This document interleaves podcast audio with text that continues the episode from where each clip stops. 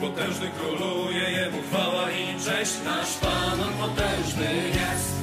Jak grom Jego kroki, błyskawicą Jego pieśń. Nasz Pan, On potężny jest. Pan wcale nie żartował, gdy z raju ich wykopał i nie bez powodu przelał swoją krew. Jego powrót jest bliski, więc lepiej byś uwierzył, że nasz Pan potężny jest. Nasz Pan, niebiosach patron w nim miłość, mądrość, moc. Nasz Pan, On potężny jest. Nasz Pan, On potężny jest wśród chwał.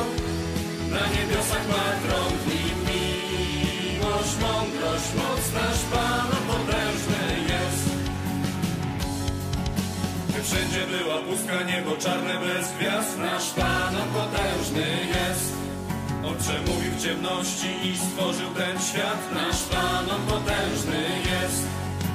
On i karę wylał na Sodomę, zmiłowanie i łaskę na krzyżu nam dał. Mam nadzieję, że zawsze będziemy to pamiętać, że nasz Pan potężny jest.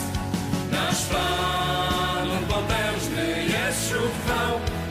Na niebiosach patron w nim miłość, mądrość, moc. Nasz Pan, On potężny. Nasz Pan, On potężny jest wśród chwał. Na niebiosach patron w nim miłość, mądrość, moc. Nasz Pan, On potężny jest. Nasz Pan, On potężny jest wśród chwał. Na niebiosach matron w nim miłość, mądrość, moc. Nasz Pan, On potężny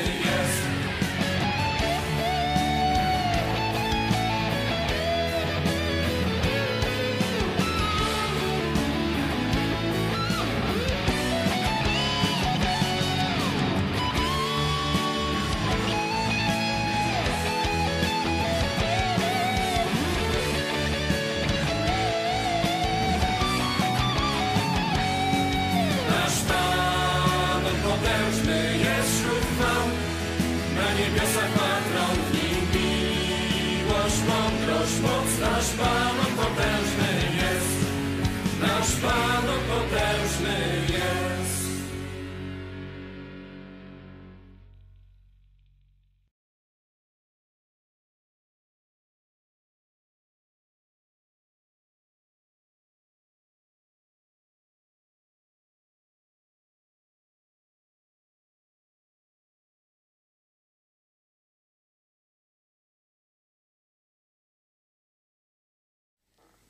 Proszę Państwa, utwór, którym zakończę dzisiejszy koncert, jest właściwie pierwszym, którym napisałem, który napisałem inspirowany programami telewizji Iśperpont.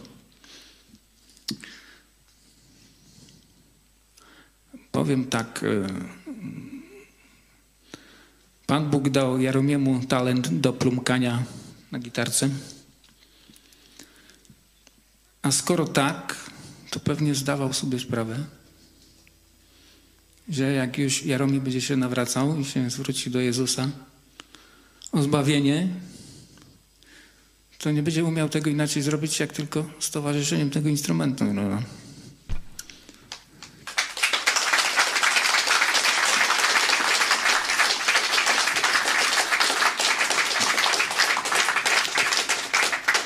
A było to tak. Za górami, za lesem. Nie, nie, nie, nie, proszę Państwa, nie, to nie bajka. Było to tak.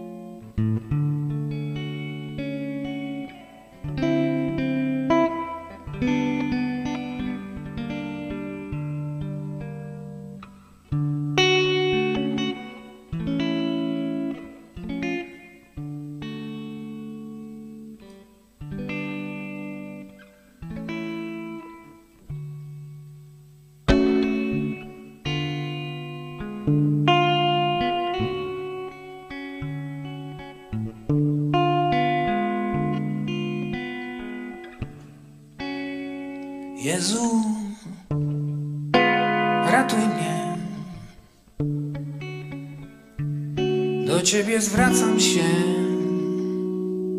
jedynie przez Ciebie wiedzie droga do zbawienia. W słowie Twoim jest tak napisane, więc do Ciebie, Jezu, zwracam się bez wątpliwości cienia.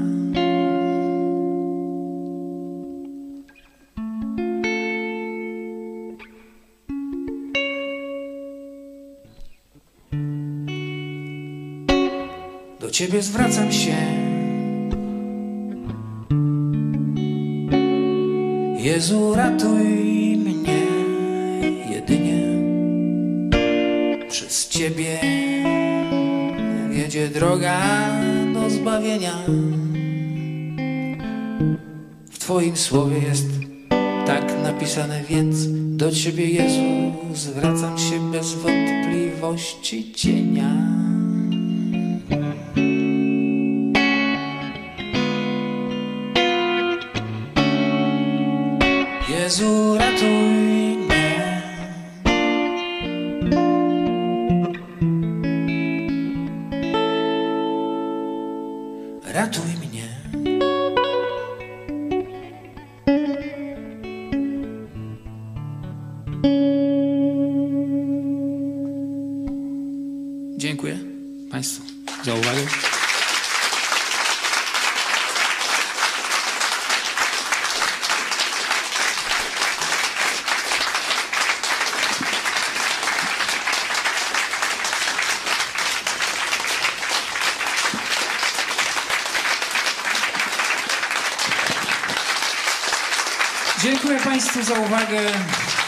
Jezusowi za zbawienie.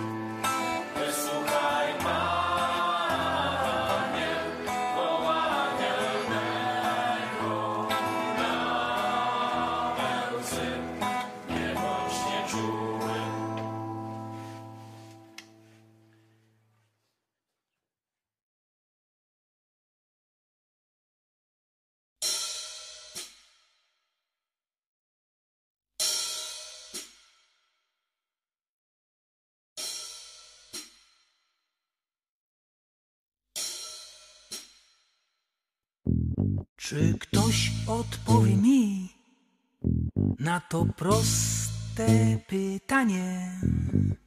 Jakie w dekalogu jest drugie Boże przykazanie?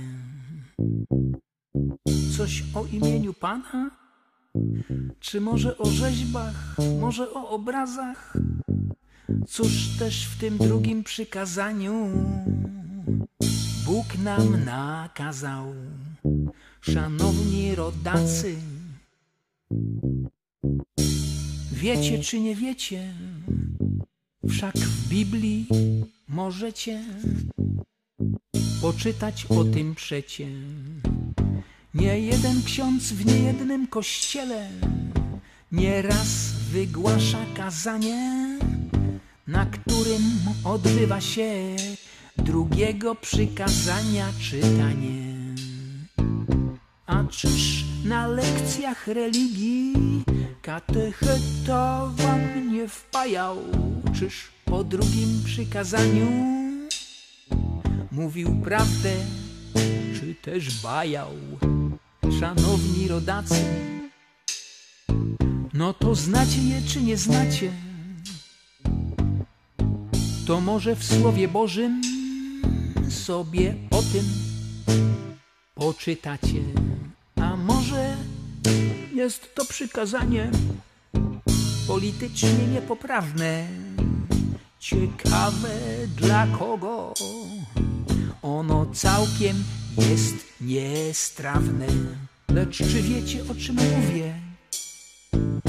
Panowie i panie, to znacie w końcu czy nie znacie drugie Boże przykazanie? Niech Bóg prowadzi nas, Jego armia zdrowiem idzie w tam.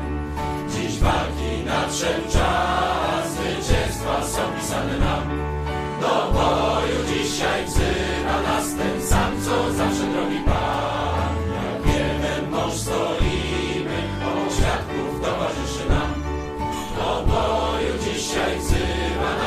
Sam, co zawsze drogi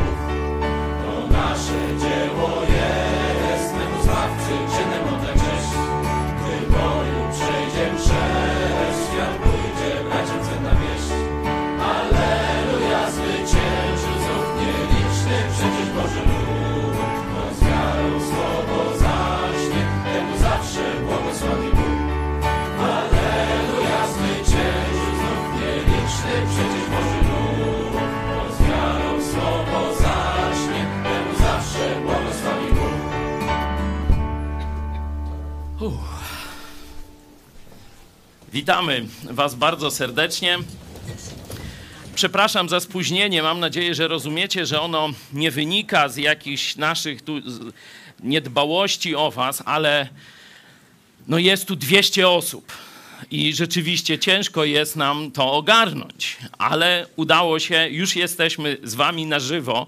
Wiemy, że kolejne setki uczniów Jezusa są z nami. Bardzo serdecznie pozdrawiam Was i cieszę się, że rzeczywiście mogliśmy dokonać w Polsce takiego cudu, że garstka ludzi wierna Jezusowi Chrystusowi i Jego Słowu, tak jak przed chwilą śpiewaliśmy, rzeczywiście Bóg posłużył się nami.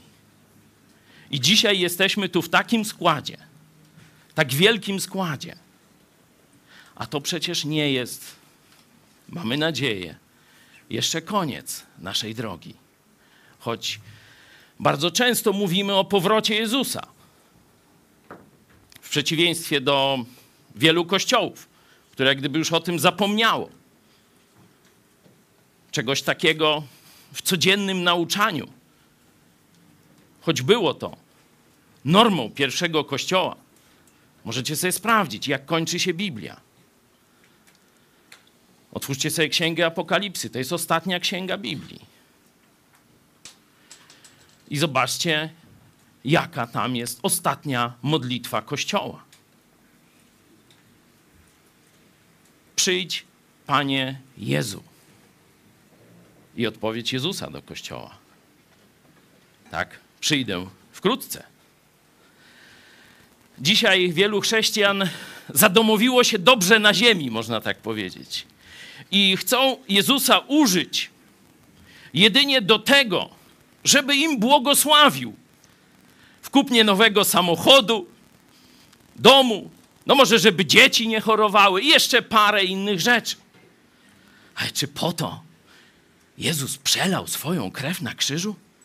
Żebyśmy mieli nowe samochody, zdrowe dzieci i fajne domy?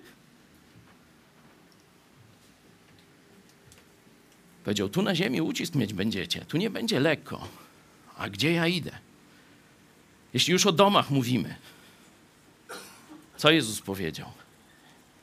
Oto idę przygotować tam wam dom. Tam jest wasze wieczne miejsce. To tam macie skupić wszystkie swoje myśli i wysiłki. Dzisiaj chrześcijanie o tym nie mówią, dlatego też i takie są owoce chrześcijan. Jeśli garstka praktycznie skazanych na przegraną, odrzuconych przez większość kościołów protestanckich, garstka uczniów Jezusa, gdzieś w kuchni w bloku spotykająca się,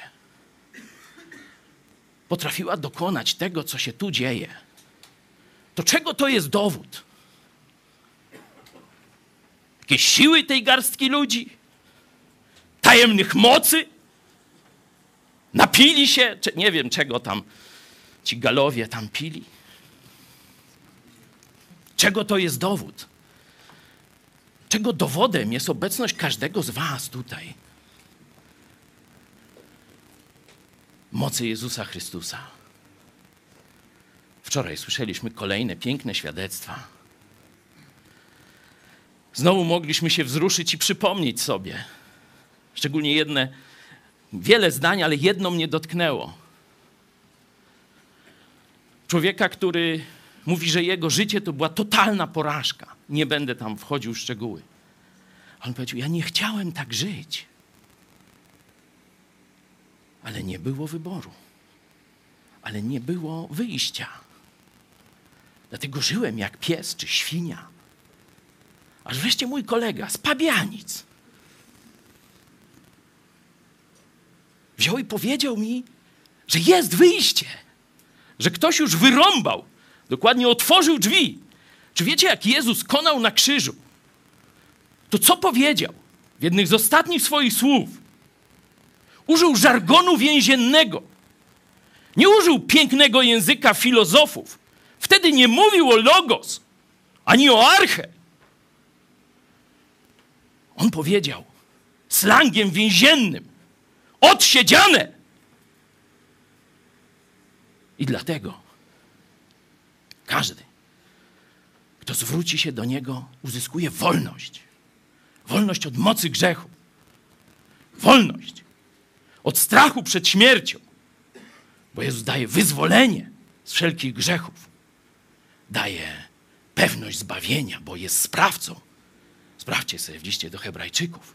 Nie tymczasowego zbawienia, nie utracalnego zbawienia, nie niedzielnego zbawienia, nie niepełnego zbawienia, a resztę w czystu trzeba za dziadka zapłacić. Powiedział, że jest sprawcą wiecznego zbawienia. Jest dzisiaj rozwiązanie tak, jak pojawiło się dwa tysiące lat temu. Jezus żyje. I dzisiaj już może, można powiedzieć, tysiące świadectw ludzie, ludzi, którzy usłyszeli, usłyszeli prawdziwą Ewangelię i zwrócili się do Jezusa. Dzisiaj rozbrzmiewa po świecie. Nie mówię oczywiście o wszystkich chrześcijanach, ale na tych, na których mamy wpływ. To się dzieje mocą Jezusa. To się dzieje dzisiaj w ciągu, zobaczcie, niepełnych czterech lat. To ja się pytam, gdzie byli nasi bracia protestanci przez ostatnie 100 lat? Dlaczego tego nie ma, co jest tu? Czy z Jezusem jest coś nie w porządku? Czy z nimi? To jest dla nas oczywista odpowiedź. Dzisiaj dla nas podwójne święto. Święto, że jesteśmy razem jako bracia i siostry w Chrystusie na kolejnym zjeździe chrześcijan, ale też i święto niezwykłych wydarzeń w naszej historii. Coś, w co nikt nie wierzył, coś, co nie mogło się udać, coś, co nie miało się udać, wzięło się i udało. Bardzo często zapraszałem na film Legiony. Bo myślę, że on pokazuje dobrze. Oczywiście zawsze filmu się można czepić, ale on pokazuje dobrze, co było potrzebne do tamtego zwycięstwa. Dlatego przenieśmy się na chwilę w tamte czasy. Proszę trailer z tego filmu, a potem będziemy kontynuować.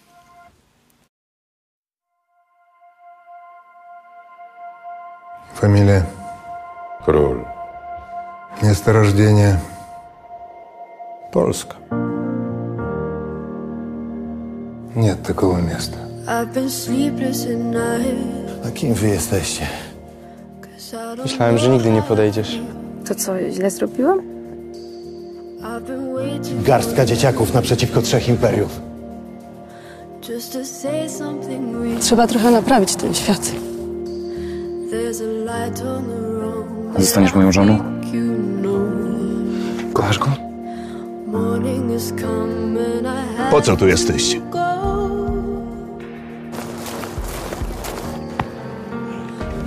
Jestem. Wolność! Jedynym waszym znakiem jest odtąd orzeł biały. Tylko, że polskiego wojska nie ma. Nigdy nie będzie. Chodź ze mną. Zobaczysz polskie wojsko. Naprzód! Polskie! Łany!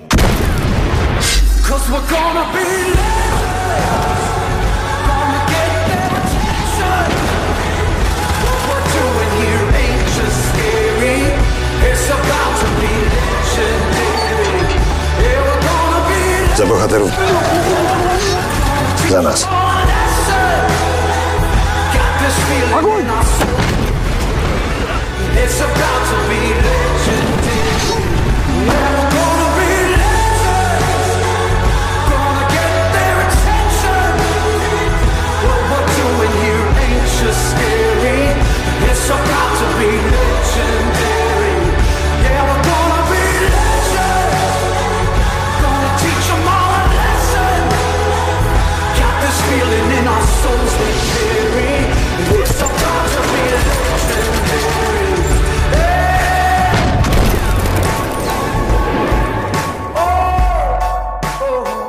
Byliśmy niewolnikami trzech cesarzy.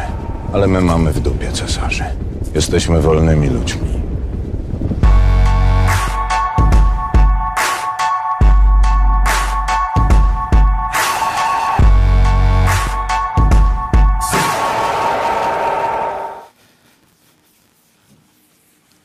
Skąd wziąć takich ludzi? Wszyscy nam chcą powiedzieć, że już ich nie ma. I nigdy w Polsce nie będzie. Nasi przyjaciele z Unii Europejskiej, Niemcy, pozdrawiamy chrześcijan niemieckich też. Tu wśród nas nasi jeszcze więksi przyjaciele, rosyjscy, chcą, żeby Polacy byli bandą niewolników. Dlatego wybili nam elitę. Dlatego nie chcą, żebyśmy znali prawdę. Dlatego nie chcą, żebyśmy marzyli o wolnej Polsce. Bo to wielkie marzenie tych ludzi. Ono przekuło się w rzeczywistość. Dlatego masz być człowiekiem zwierzęciem. Po to jest i teoria ewolucji, po to jest konsumpcjonizm, żebyś był człowiekiem zwierzęciem. Masz tylko radia słuchać, dzisiaj to się zmieniło na fejsik. To jest doktryna, oficjalna doktryna komunizmu. Wypić, zakuszać, kobietę, wtedy byli tradycjonaliści, komuniści, i radia posłuchać. I вот все. Niczego nie nada. To tobie, zwierzęciu, ma wystarczyć. Bo jeśli się staniesz człowiekiem, a człowiek się kieru, charakteryzuje marzeniami o rzeczach niemożliwych, o rzeczach dobrych i niemożliwych. On może widzieć okoliczności, że są straszne. On może widzieć porażki tych, którzy próbowali to zrobić. Ale nie ma siły, żeby zabić w nim to marzenie. I tych ludzi oni się boją. Tych ludzi boją się najbardziej. A tych ludzi każdego dnia uruchomiliśmy masową produkcję. Dlatego nas tak nienawidzą. I myślą, że da się nas zwyciężyć. Ale nie wiedzą, z kim walczą. Bylebyśmy i my nie zapomnieli, dla kogo i z kim walczymy, żebyśmy nie zaczęli się bać ich i byśmy dalej marzyli, byśmy nie dali sobie wyrwać wielkich Bożych marzeń z naszych serc. Jacy to byli ludzie? Ktoś powie wariaci. I to jest dobre określenie. Bo człowiek, który się porywa na trzech cesarzy, no to wariat. Ale to wariaci zmieniają historię. To nie kunktatorzy, ci jak ten Polak w rosyjskim mundurze, który tłumaczy, że siłą nie wygrasz, że car to najbalszaja siła w całym świecie. Dużo nie siła! Odpowiada mu wolny Polak i zachęca. Chodź, pokażę ci polskie wojsko. Wczoraj miałem też takie no, półmistyczne przeżycie. Połowa listopada, Zalew Zębożycki, dużo wody, no i paru szaleńców chce, żeby ich chrzcić. Ale widzieliście, jak nam to łatwo poszło. Jak szarża naszej kawalerii. Naprzód! No i tak dalej. Z takimi ludźmi właśnie można dokonać tych marzeń. Z takimi ludźmi można rzeczywiście wybić się na niepodległość, a my mierzymy jeszcze wyżej. Piastowie mieli niepodległe państwo. Mieli światowida, mieli niewolnictwo, mieli niekiedy żelazną siłą narzucane chrześcijaństwo. Jagiellonowie mieli własne państwo. Ale ile Polaków cieszyło się wtedy wolnością? 3%? Pod koniec Rzeczpospolitej Szlacheckiej doszło to do 10. Kiedy zaczęliśmy tracić niepodległość, wtedy jaśnie państwo przypomnieli sobie, że są chłopi jeszcze. Robotników jeszcze nie było. Już powstanie kościuszkowskie. To już zaczynają ich jak ludzi, a nie jak bydło, jak zwierzęta traktować. Czy wiecie, czym zajmowali się polscy magnaci, kiedy Polska konała? To, co jest w tych piosenkach, że na sejmach radzili, to by jeszcze było dobrze. Największa rezydencja Zamojskich na Lubelszczyźnie. Bodaczów, Klemensów dokładnie chyba. I czytam sobie historię tej wielkiej siedziby magnackiej i parku, chyba stu kilkunastu hektarowego. I czytam, i w głowie porównuję daty. Pierwszy rozbiór Polski. Park powiększyliśmy o 15 hektarów. Trzeci rozbiór Polski. Park powiększyliśmy o 30 hektarów. Nic dziwnego, że ta zgniła elita zeszła ze sceny dziejów razem ze swoim państwem. Ona nawet nie mogła zrozumieć tego, co Kościuszko chciał powiedzieć. Że chłopi to też ludzie, że nie tylko szlachta błękitnej krwi. Kolejne powstania.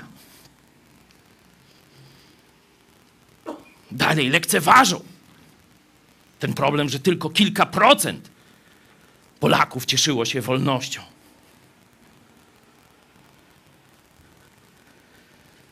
I kolejna rzeź dopiero otwiera elicie oczy. I mówią nie tak. Z szabelką panowie szlachta już tej nie, niepodległości nie odzyskają. Musimy zrobić coś innego. To cechuje wielkich ludzi.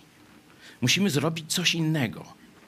Jak nie działają dotychczasowe metody, to zresztą na szkoleniu przywódców na trzecim poziomie też tego uczymy się z Biblii. Jak do, metody dotychczasowe nie działają, musisz być elastyczny. Musisz stanąć w prawdzie przed Bogiem i zapytać: Boże, co źle robię? Boże, pomóż. I rzeczywiście, część polskiej szlachty, część polskiej elity w drugiej połowie XIX wieku zaczęła w ten sposób myśleć. Wokół nas ogromna masa Polaków, którzy nie wiedzą, co to jest Polska. Dla nich Polska nie istnieje. Dla nich Polska to jest obce pojęcie. Oni tylko myślą, jak przetrwać, jak odrobić pańszczyznę, jak się później napić na kredyt u Żyda w karczmie. I to jest całe ich życie. Właśnie tak jak dzisiaj żyje młode pokolenie. W korporacji jak szczur, fejsik i impreza weekendowa. Ci z was, którzy wyjechali za chlebem do Wielkiej Brytanii czy Irlandii, to widzą, jak wygląda wielkie imperium, największe imperium chrześcijańskie świata w weekend. To już nie będę opowiadał.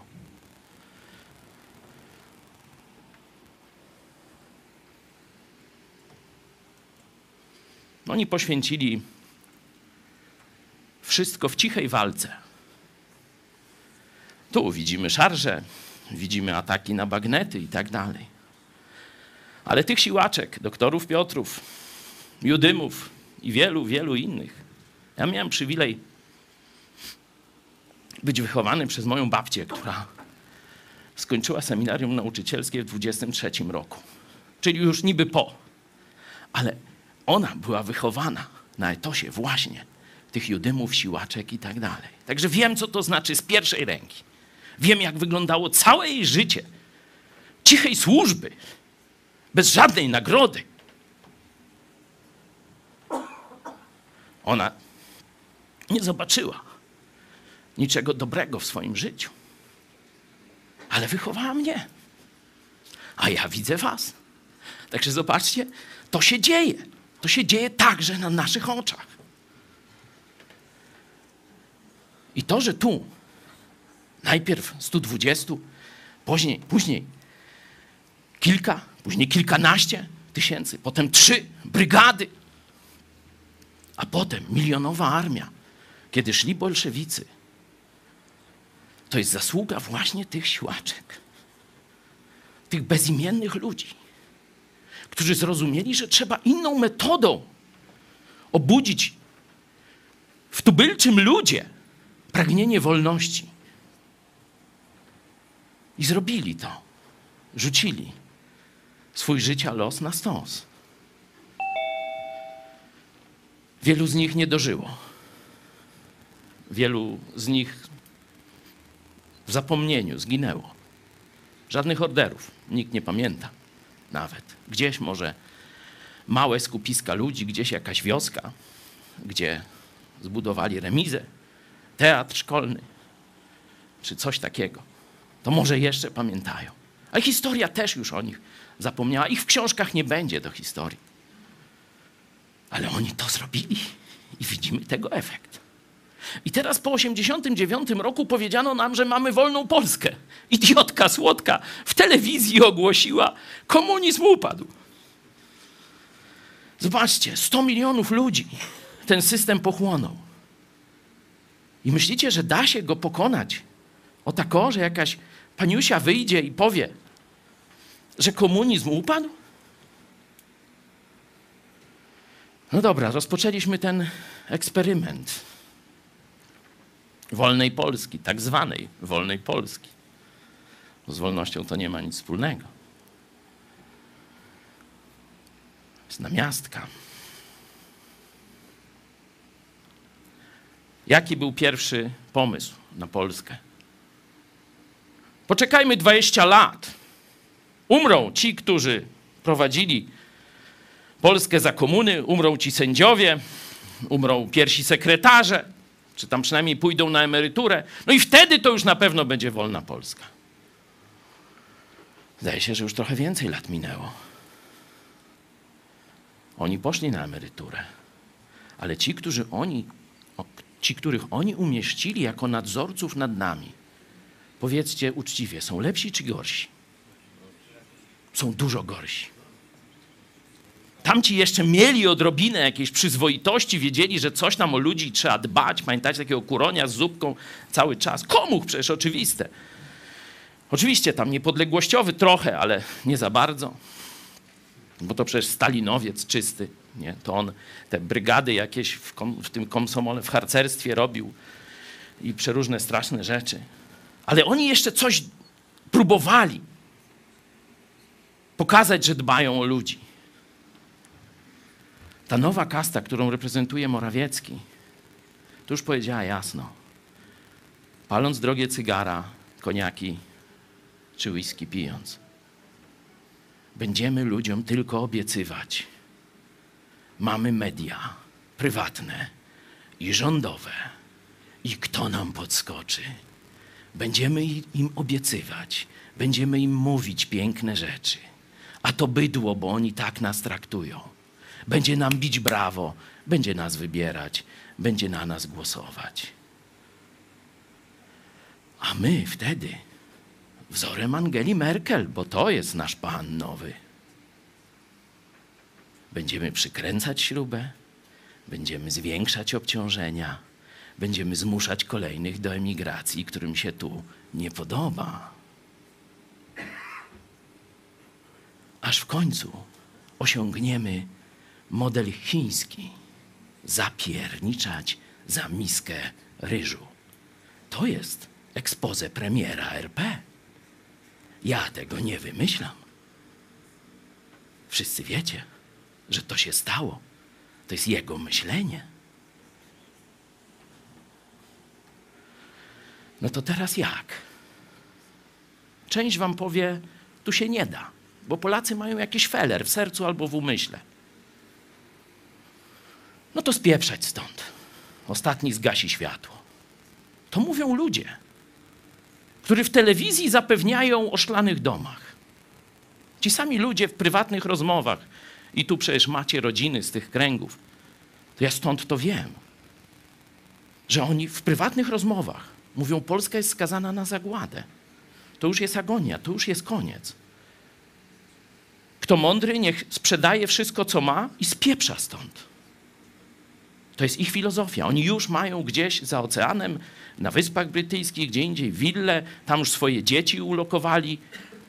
Oni tylko w imieniu nadzorców, że tak powiem, masę upadłościową jeszcze kontrolują. Ale absolutnie nie myślą o wolnej Polsce. No jest druga grupa. Mówią,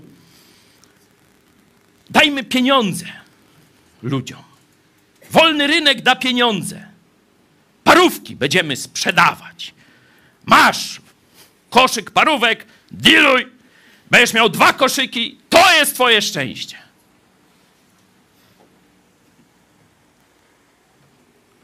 A oczywiście po cichu mówią, to szczęście ma skośne, żółte, znaczy, wiecie, najbogatszy poseł, taki opozycjonista, taki antysystemowy, taki zły system jest, a on najbogatszy poseł. No toż już nawet prości ludzie, te pańszczyzniane, by zaczęły myśleć, że coś tu nie tak. Coś on tu kogoś robi w konia.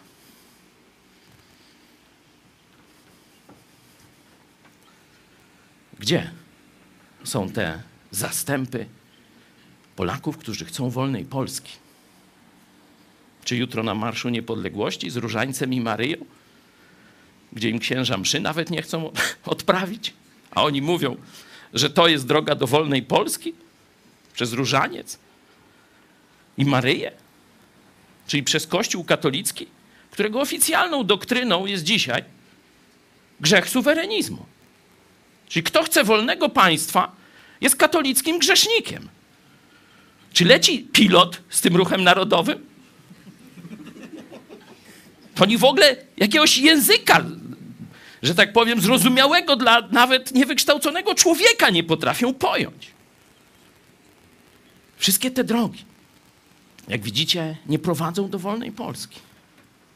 Wszystkie te drogi prowadzą tylko do może wzbogacenia jakiejś klasy próżniaczej w tych elitach. I tyle. I tyle. A potem się kłócą o pieniądze. Jak dotacje sprywatyzować. Nie? To jest ich cała, nie wiem, cały ból głowy elit dzisiejszych. Zobaczcie, ta scena. Byliśmy w niewoli u trzech cesarzy.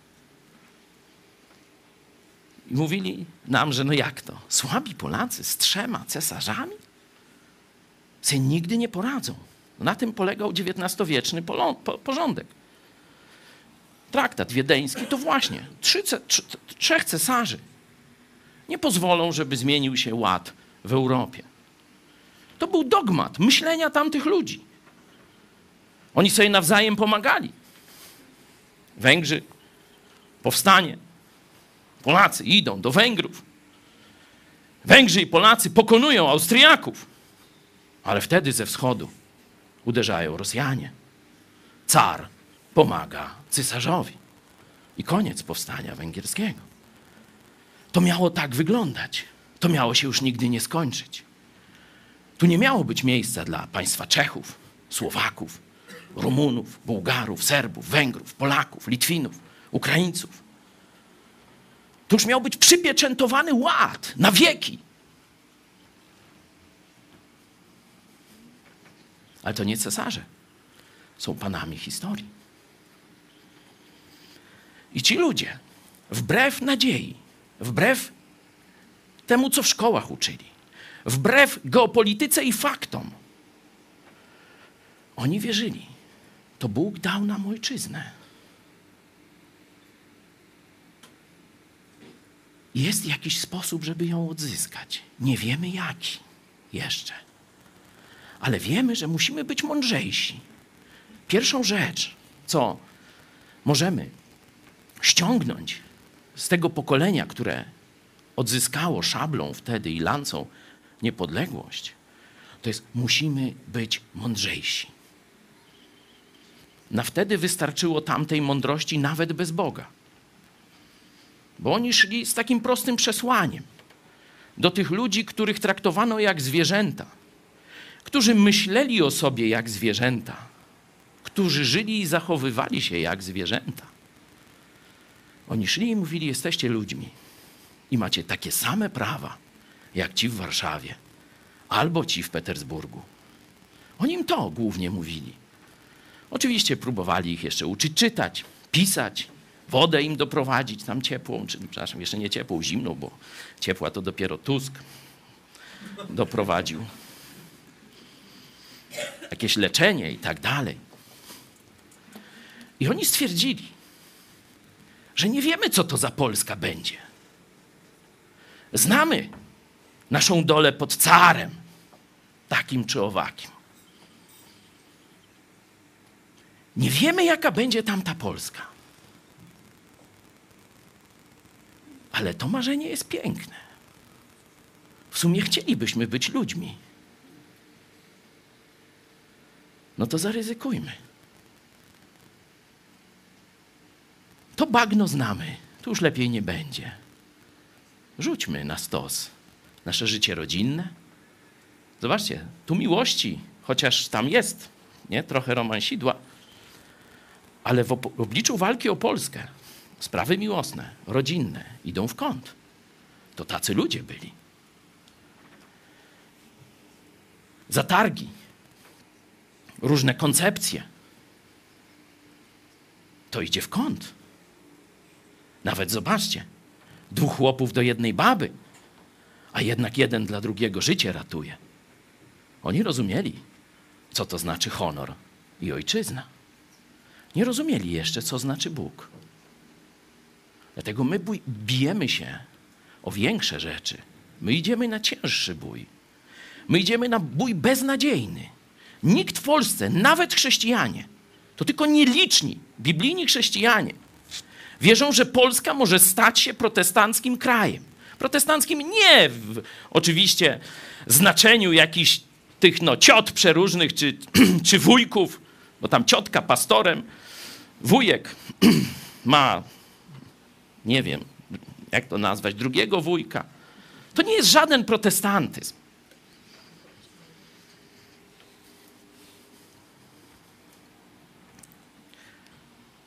Jeśli byśmy zobaczyli do całą historię Kościoła, to reformacja nie jest niczym nowym, jak chcą wam powiedzieć katolicy oszuści. Od, praktycznie już od dziejów apostolskich widzimy walkę fałszywych nauczycieli i prawdziwych. I ci prawdziwi zawsze mówią, to jest źródło.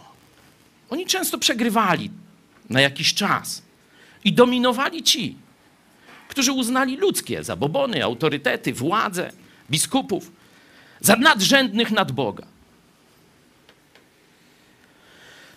Dzisiaj mieliśmy wykład, gdzie poruszaliśmy prymat Rzymu i, na przykład, i tego jednego z tak zwanych ojców kościoła Augustyna. On tłumaczył prostą rzecz. Kiedy ktoś mówił, nie, my mamy słuchać Piotra, w tym sensie biskupa Rzymu, bo to już było tam ponad 300 lat po tym faktycznym Piotrze, ale oni tak sobie pieszczotliwie nazywali kolejnego jakiegoś uzurpatora. Nie? A jak się nazywacie? Piotrzanie? No nie. Chrystusowi. No to w dupie miejcie Piotra. Idźcie za Chrystusem. No prosto im tłumaczył. No i rozumieli jeszcze wtedy. O tyle macie iść za Piotrem i Pawłem, czy jakimkolwiek innym człowiekiem, o ile on idzie za Chrystusem. I nigdy więcej. Jeśli gdziekolwiek on nie idzie dla, za Chrystusem, to nie idźcie za nim w to miejsce. I kropka. Cały czas ta walka o to, żeby stać przy Chrystusie, rozgrywała się w dwutysięcznym tej historii Kościoła. Ale w reformacji udało się wyzwolić sporą część państw spod dyktatury fałszywego Kościoła.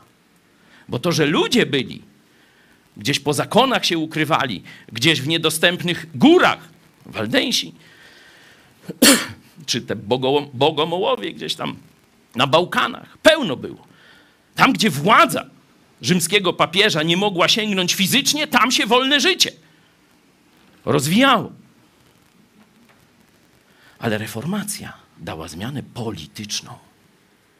Pojawiły się państwa, w których można było wziąć Biblię i zacząć ją, ją czytać. Nie potajemnie, nie z groźbą tortur czy stosu, ale całkowicie legalnie.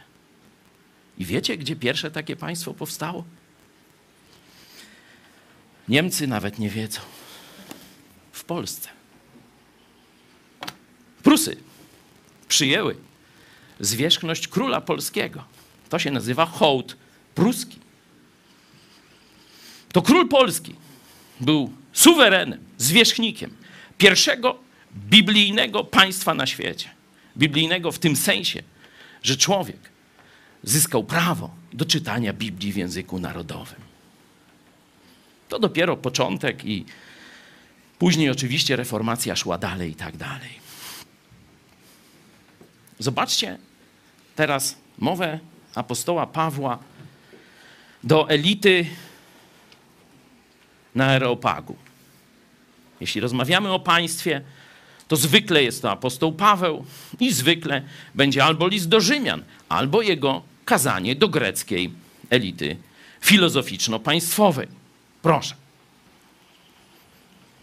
17 rozdział dziejów apostolskich. Z jednego pnia wywiódł też wszystkie narody ludzkie, aby mieszkały na całym obszarze ziemi, ustanowiwszy dla nich wyznaczone okresy czasu i granice ich zamieszkania.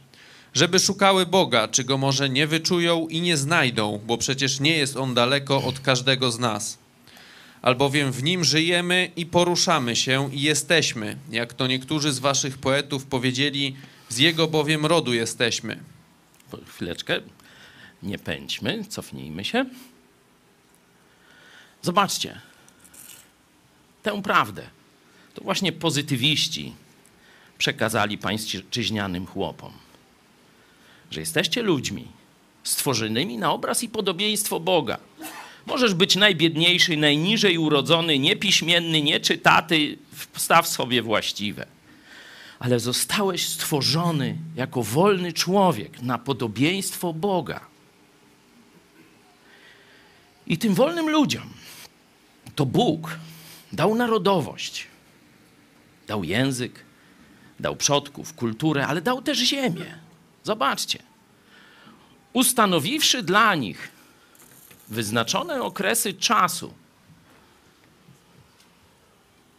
i granice, to właśnie o te granice poszli się bić.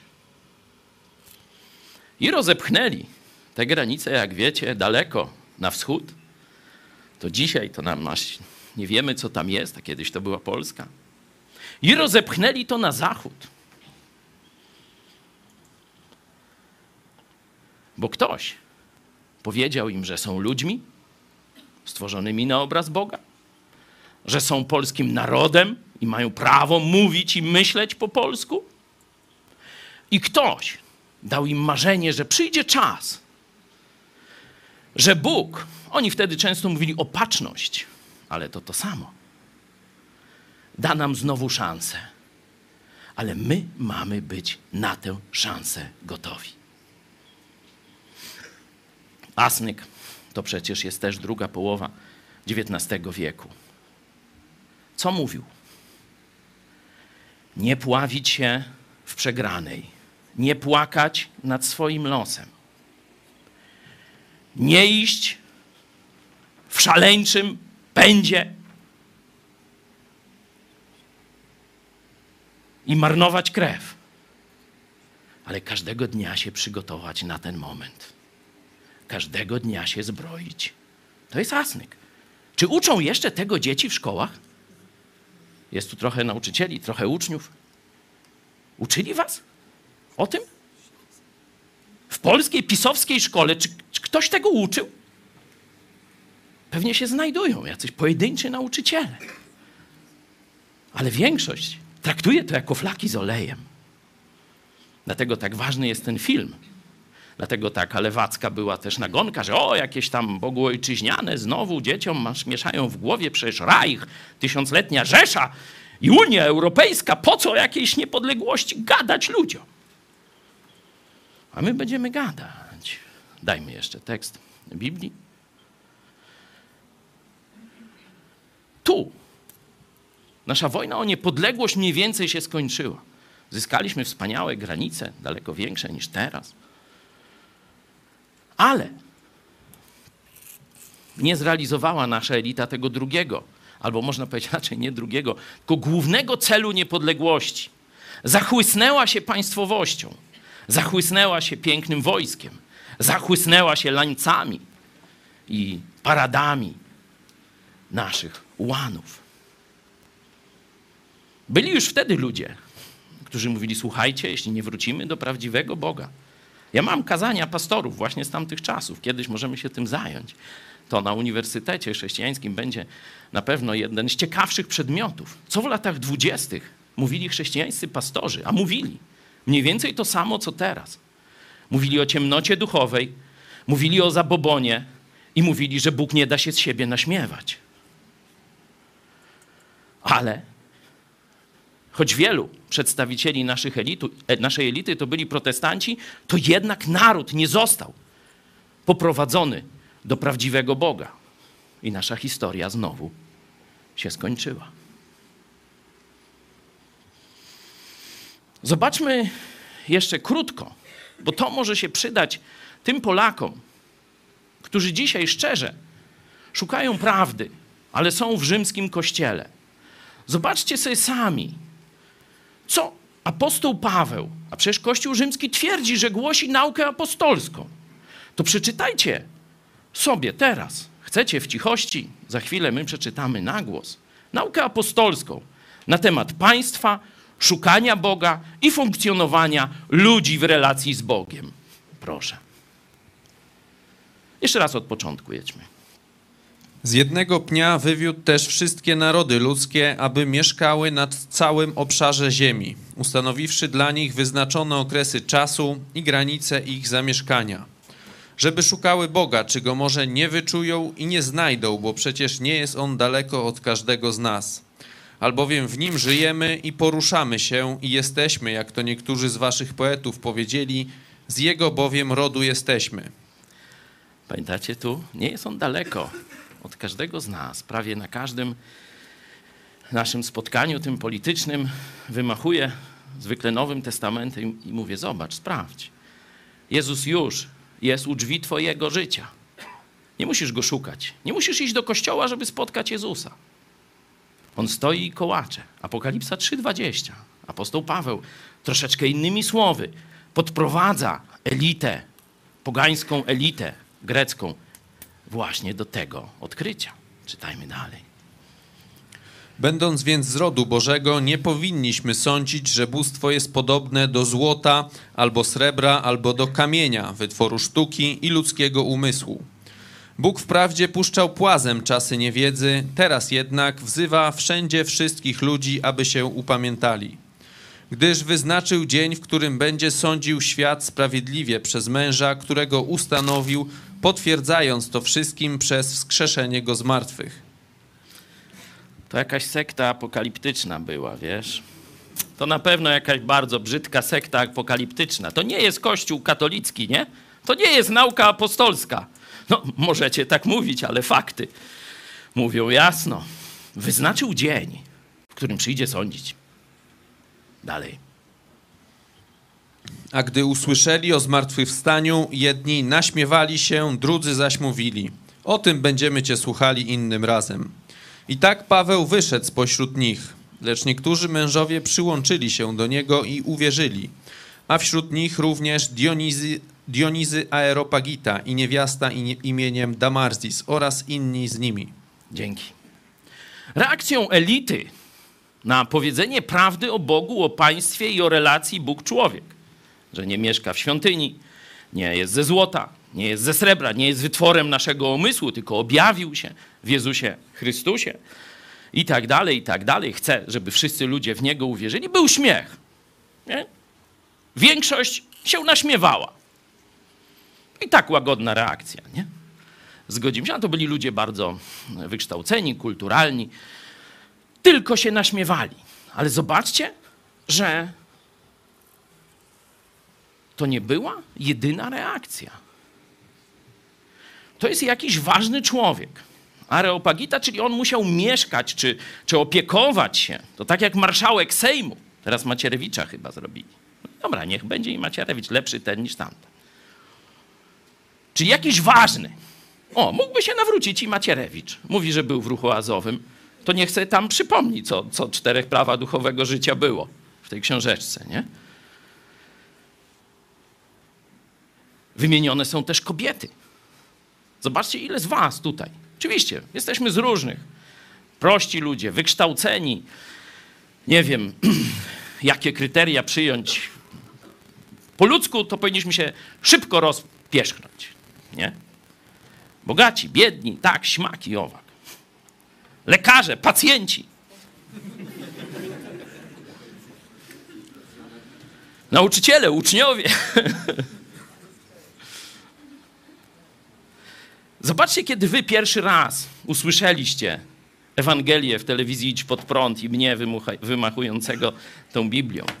Wariat, no to przecież słyszę na świadectwie. Jakiś szurnięty trochę, ale jakoś tak pozytywnie szurnięty. No to zobaczmy, co mu jeszcze szurnęło jutro, nie? A później pojutrze, a potem nauk.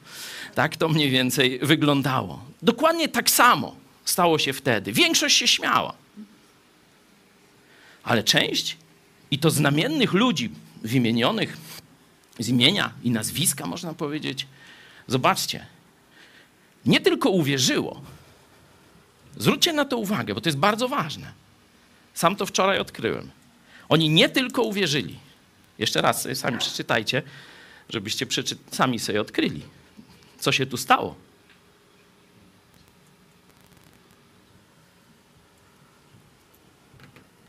Przyłączyli się. Widzicie to? Nie tylko uwierzyli w Jezusa, ale przyłączyli się do Jego kościoła, który tu akurat apostoł Paweł reprezentował. Czyli jest oczywiście zbawienie, jest osobista wiara w Jezusa, ale zaraz potem jest organizacja tych, którzy uwierzyli. Bo dopiero kiedy jest organizacja, czyli Kościół, to wtedy można mówić o realizacji Bożych celów. Na masową skalę. Na masową skalę. Bo jeśli myślimy o odzyskaniu państwa, jeśli myślimy o, o wielkim nakazie misyjnym, to nie mamy dotrzeć do dwóch sąsiadek i trzech sąsiadów wokół nas. Ale do kogo? Do narodu.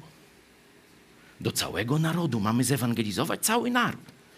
Mówię, nikt praktycznie dzisiaj w to nie wierzy, że Polska może się stać chrześcijańska. Nie katolicka, ale chrześcijańska.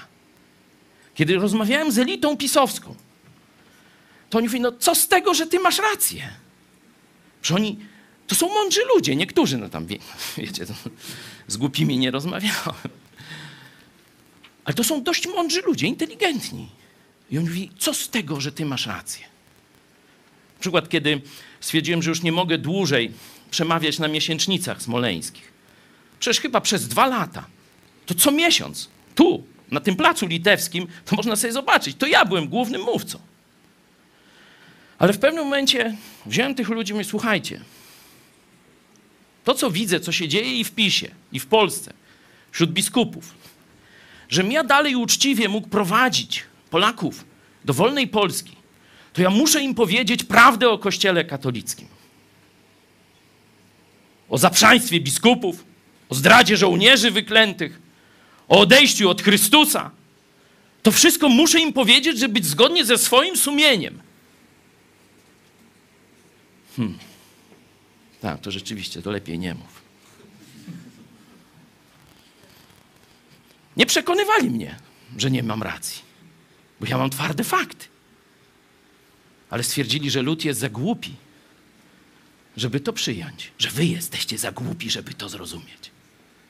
A ja nie traktuję ludzi jak za głupich na Bożą prawdę, czy w ogóle na prawdę. I tym się różnię od nich. To jest jakościowa różnica. Taką elitę musimy Polsce dać, która będzie ludzi traktowała jako stworzonych przez Boga, jako równych. Taką elitę kościoły dały Stanom Zjednoczonym Ameryki, czy wtedy wcześniej jeszcze koloniom amerykańskim, ale to kiedyś może na Dzień Dziękczynienia, na Święto Dziękczynienia opowiemy, jak to było tam. My wracamy do Polski. To jest. Apostoł Paweł przedstawił drogę do niepodległości. Masz uwierzyć, że jesteś wolnym człowiekiem. Masz uwierzyć, że masz przez Boga dane prawa. Masz uwierzyć, że Bóg umieścił cię w narodzie co do którego masz odpowiedzialności, bo to są twoi ojcowie i matki. Trzeba by w liczbie pojedynczej, ale to wiecie o co chodzi. Ale, i to my dodajemy, nie tylko musisz być gotowy walczyć o granice, walczyć o wolność polityczną, o niepodległość, ale masz odpowiedzialność, żeby po pierwsze znaleźć prawdziwego Boga, a potem ogłosić go całemu narodowi. To jest droga do niepodległości wyznaczona przez naukę apostolską. Pokażę Wam już na koniec żydowską drogę do niepodległości. Jak Żydzi, kiedy stracili niepodległość, zaczęli znowu marzyć. Zaczęli najpierw cierpieć z tego powodu, że nie mają swojego państwa, że ich granice są w poniewierce, ich miasta nie mają murów. Księga Nehemiasza, nie będę całej czytał, przeczytajcie sobie całą jako pracę domową, a tu już tylko znajdziemy się, że tak powiem, w ogniu największej walki. Tak jak na filmie Legiony część, czy druga część, nie? Jedźmy. Nehemiasz mówi, co zrobił z ludem. Ustawiłem w niższych, otwartych miejscach poza murem lud według rodzin z mieczami, włóczniami i łukami. Wie, widząc zaś, że się boją, wystąpiłem i rzekłem do przedniejszych, do naczelników i do pozostałego ludu. Nie bójcie się ich. Pana wielkiego i strasznego wspomnijcie i walczcie za waszych braci, za waszych synów i córki, za wasze żony i domy. Poczekajcie, poczekajcie. Jeszcze.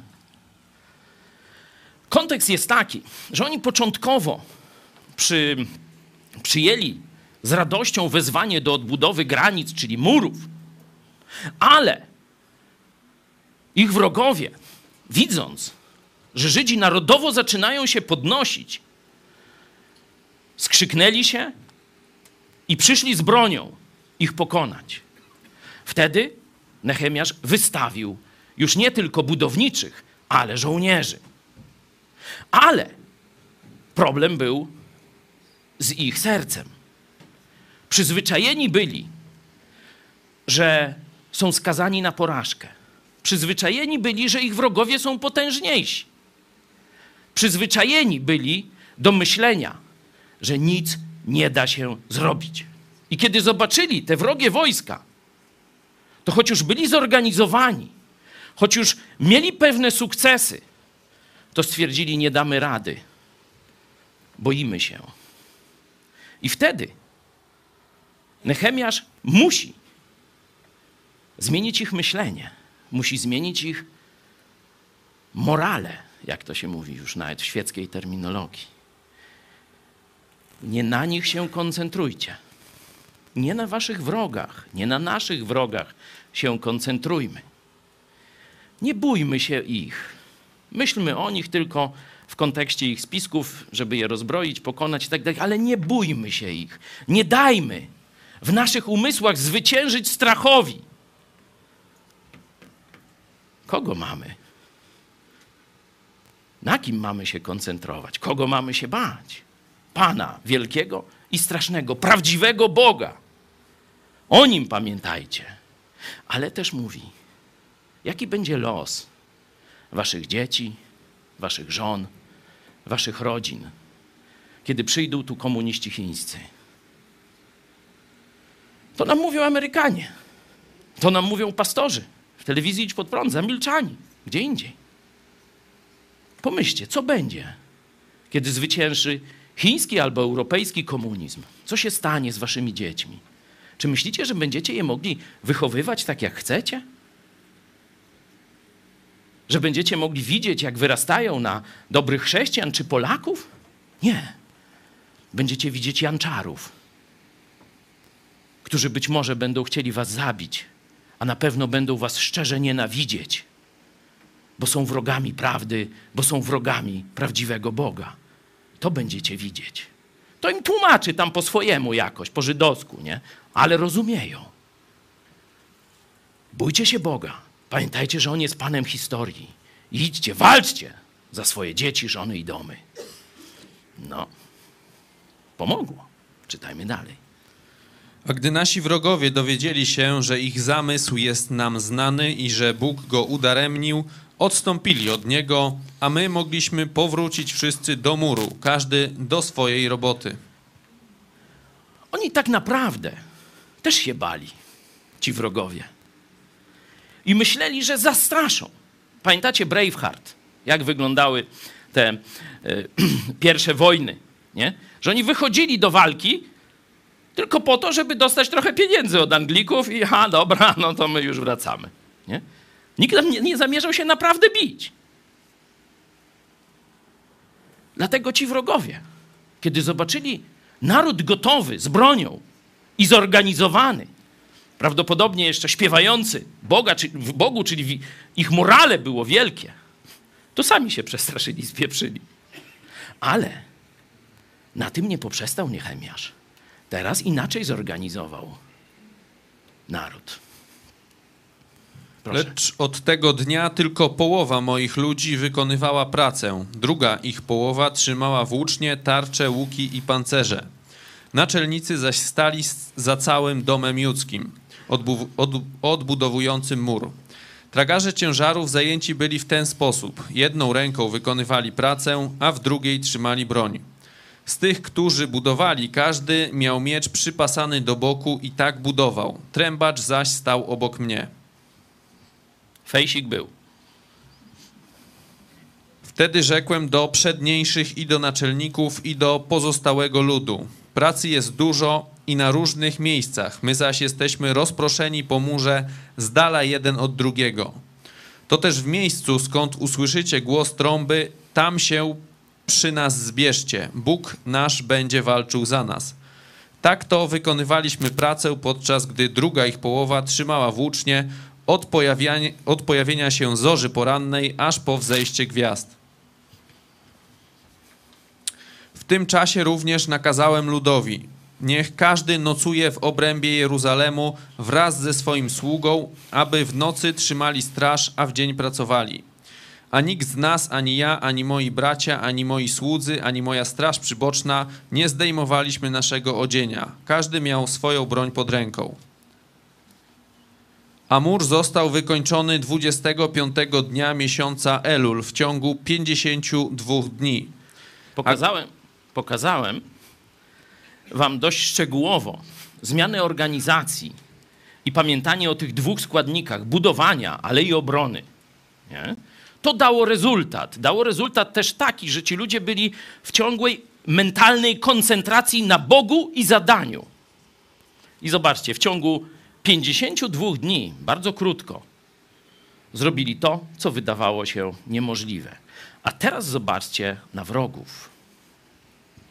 A gdy dowiedzieli się o tym wszyscy nasi wrogowie, zlękli się wszyscy poganie, którzy wokoło nas mieszkali i bardzo upadli na duchu, widząc, że pomyśli naszego Boga do, do, dokonane zostało to dzieło.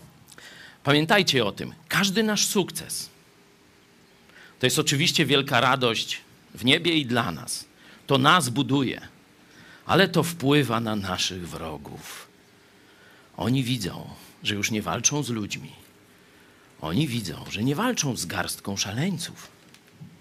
Oni widzą, że walczą z Bogiem i dobrze zorganizowanym Bożym ludem, który zaczyna masowo pojawiać się w Polsce. Oni już to wiedzą, a kalesony wiecie w jakim kolorze już są. Tak się skończyła tamta walka. Nasza też tak się skończy. Chyba, że Jezus wcześniej wróci. Tego oczywiście nie wiemy. Na koniec chciałem Wam pokazać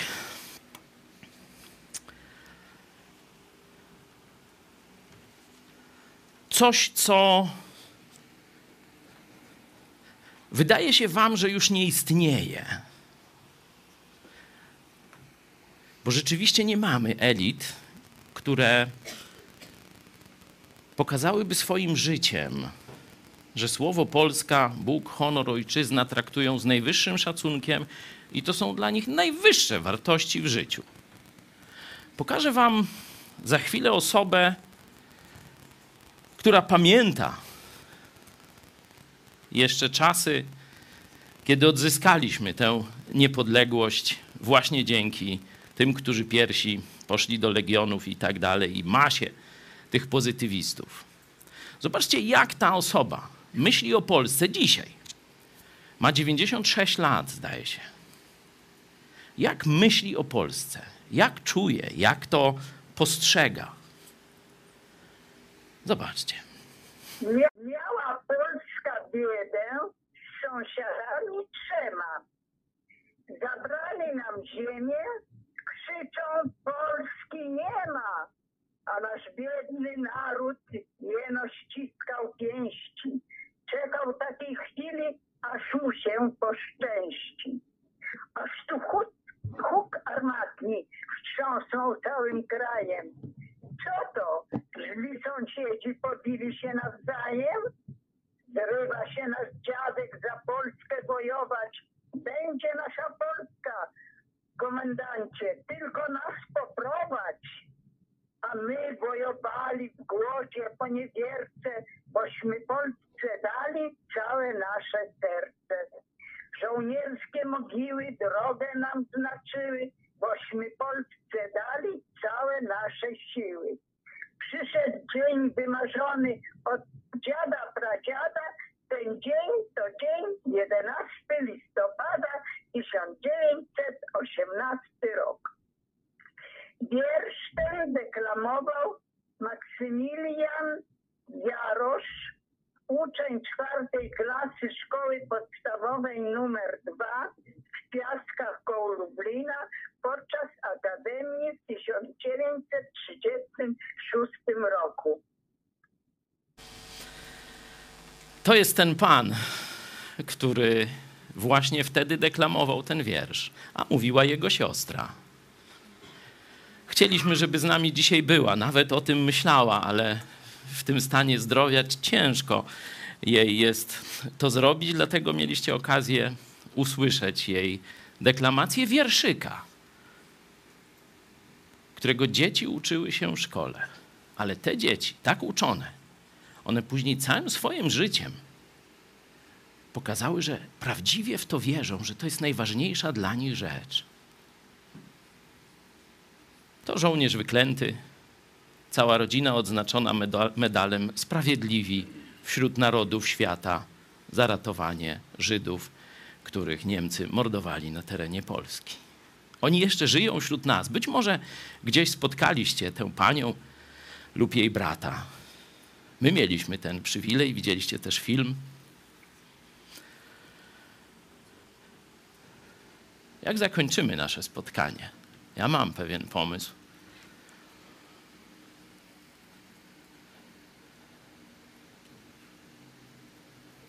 Możemy wstać i zaśpiewać to, co oni śpiewali. Pamiętając, że my idziemy dalej. Oni mieli marszałka. Rzeczywiście dla nich był jak Bóg, dla wielu z nich. My traktujmy też to alegorycznie. My mamy Jezusa jako naszego wodza.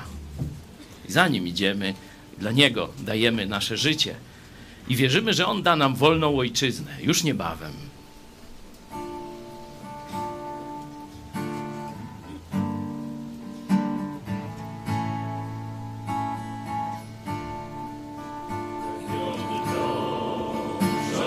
Salut.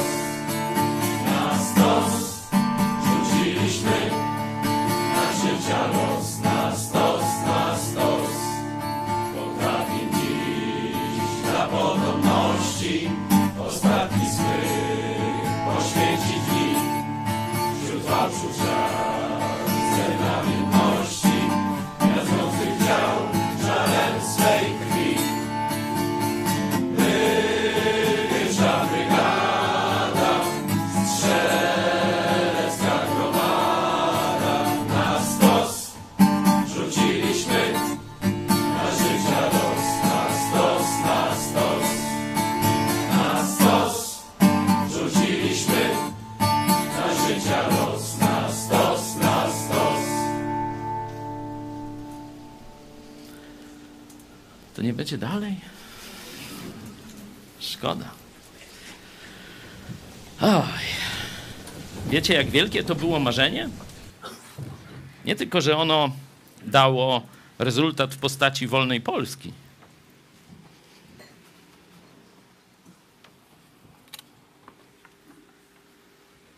Wiecie, kogośmy zarazili? To Żydzi. Jak zobaczyli, jak Polacy się biją o swoją wolność i swoje państwo w beznadziejnej, historycznej sytuacji, to stwierdzili, że oni też chcą. Tak, byli tu. Jedni się spierają, że tysiąc, inni, że osiemset, inni sześćset. A no dużo albo w cholerę, jak kiedyś jeden patriota nas tu rozgrzewał. Byli z nami, od nas się uczyli. Od nas dostali też broń po części. Bo przecież z Andersem poszli i doszli do swojej ziemi obiecanej. To właśnie czyn Polaków natchnął Żydów, że teraz jest czas na odzyskanie swojego państwa. No i weszliśmy w ostatni zakręt eschatologicznej historii. To Polacy. Iwan, zgodzisz się? To Polacy zainspirowali Żydów do tego, żeby mieć własne państwo.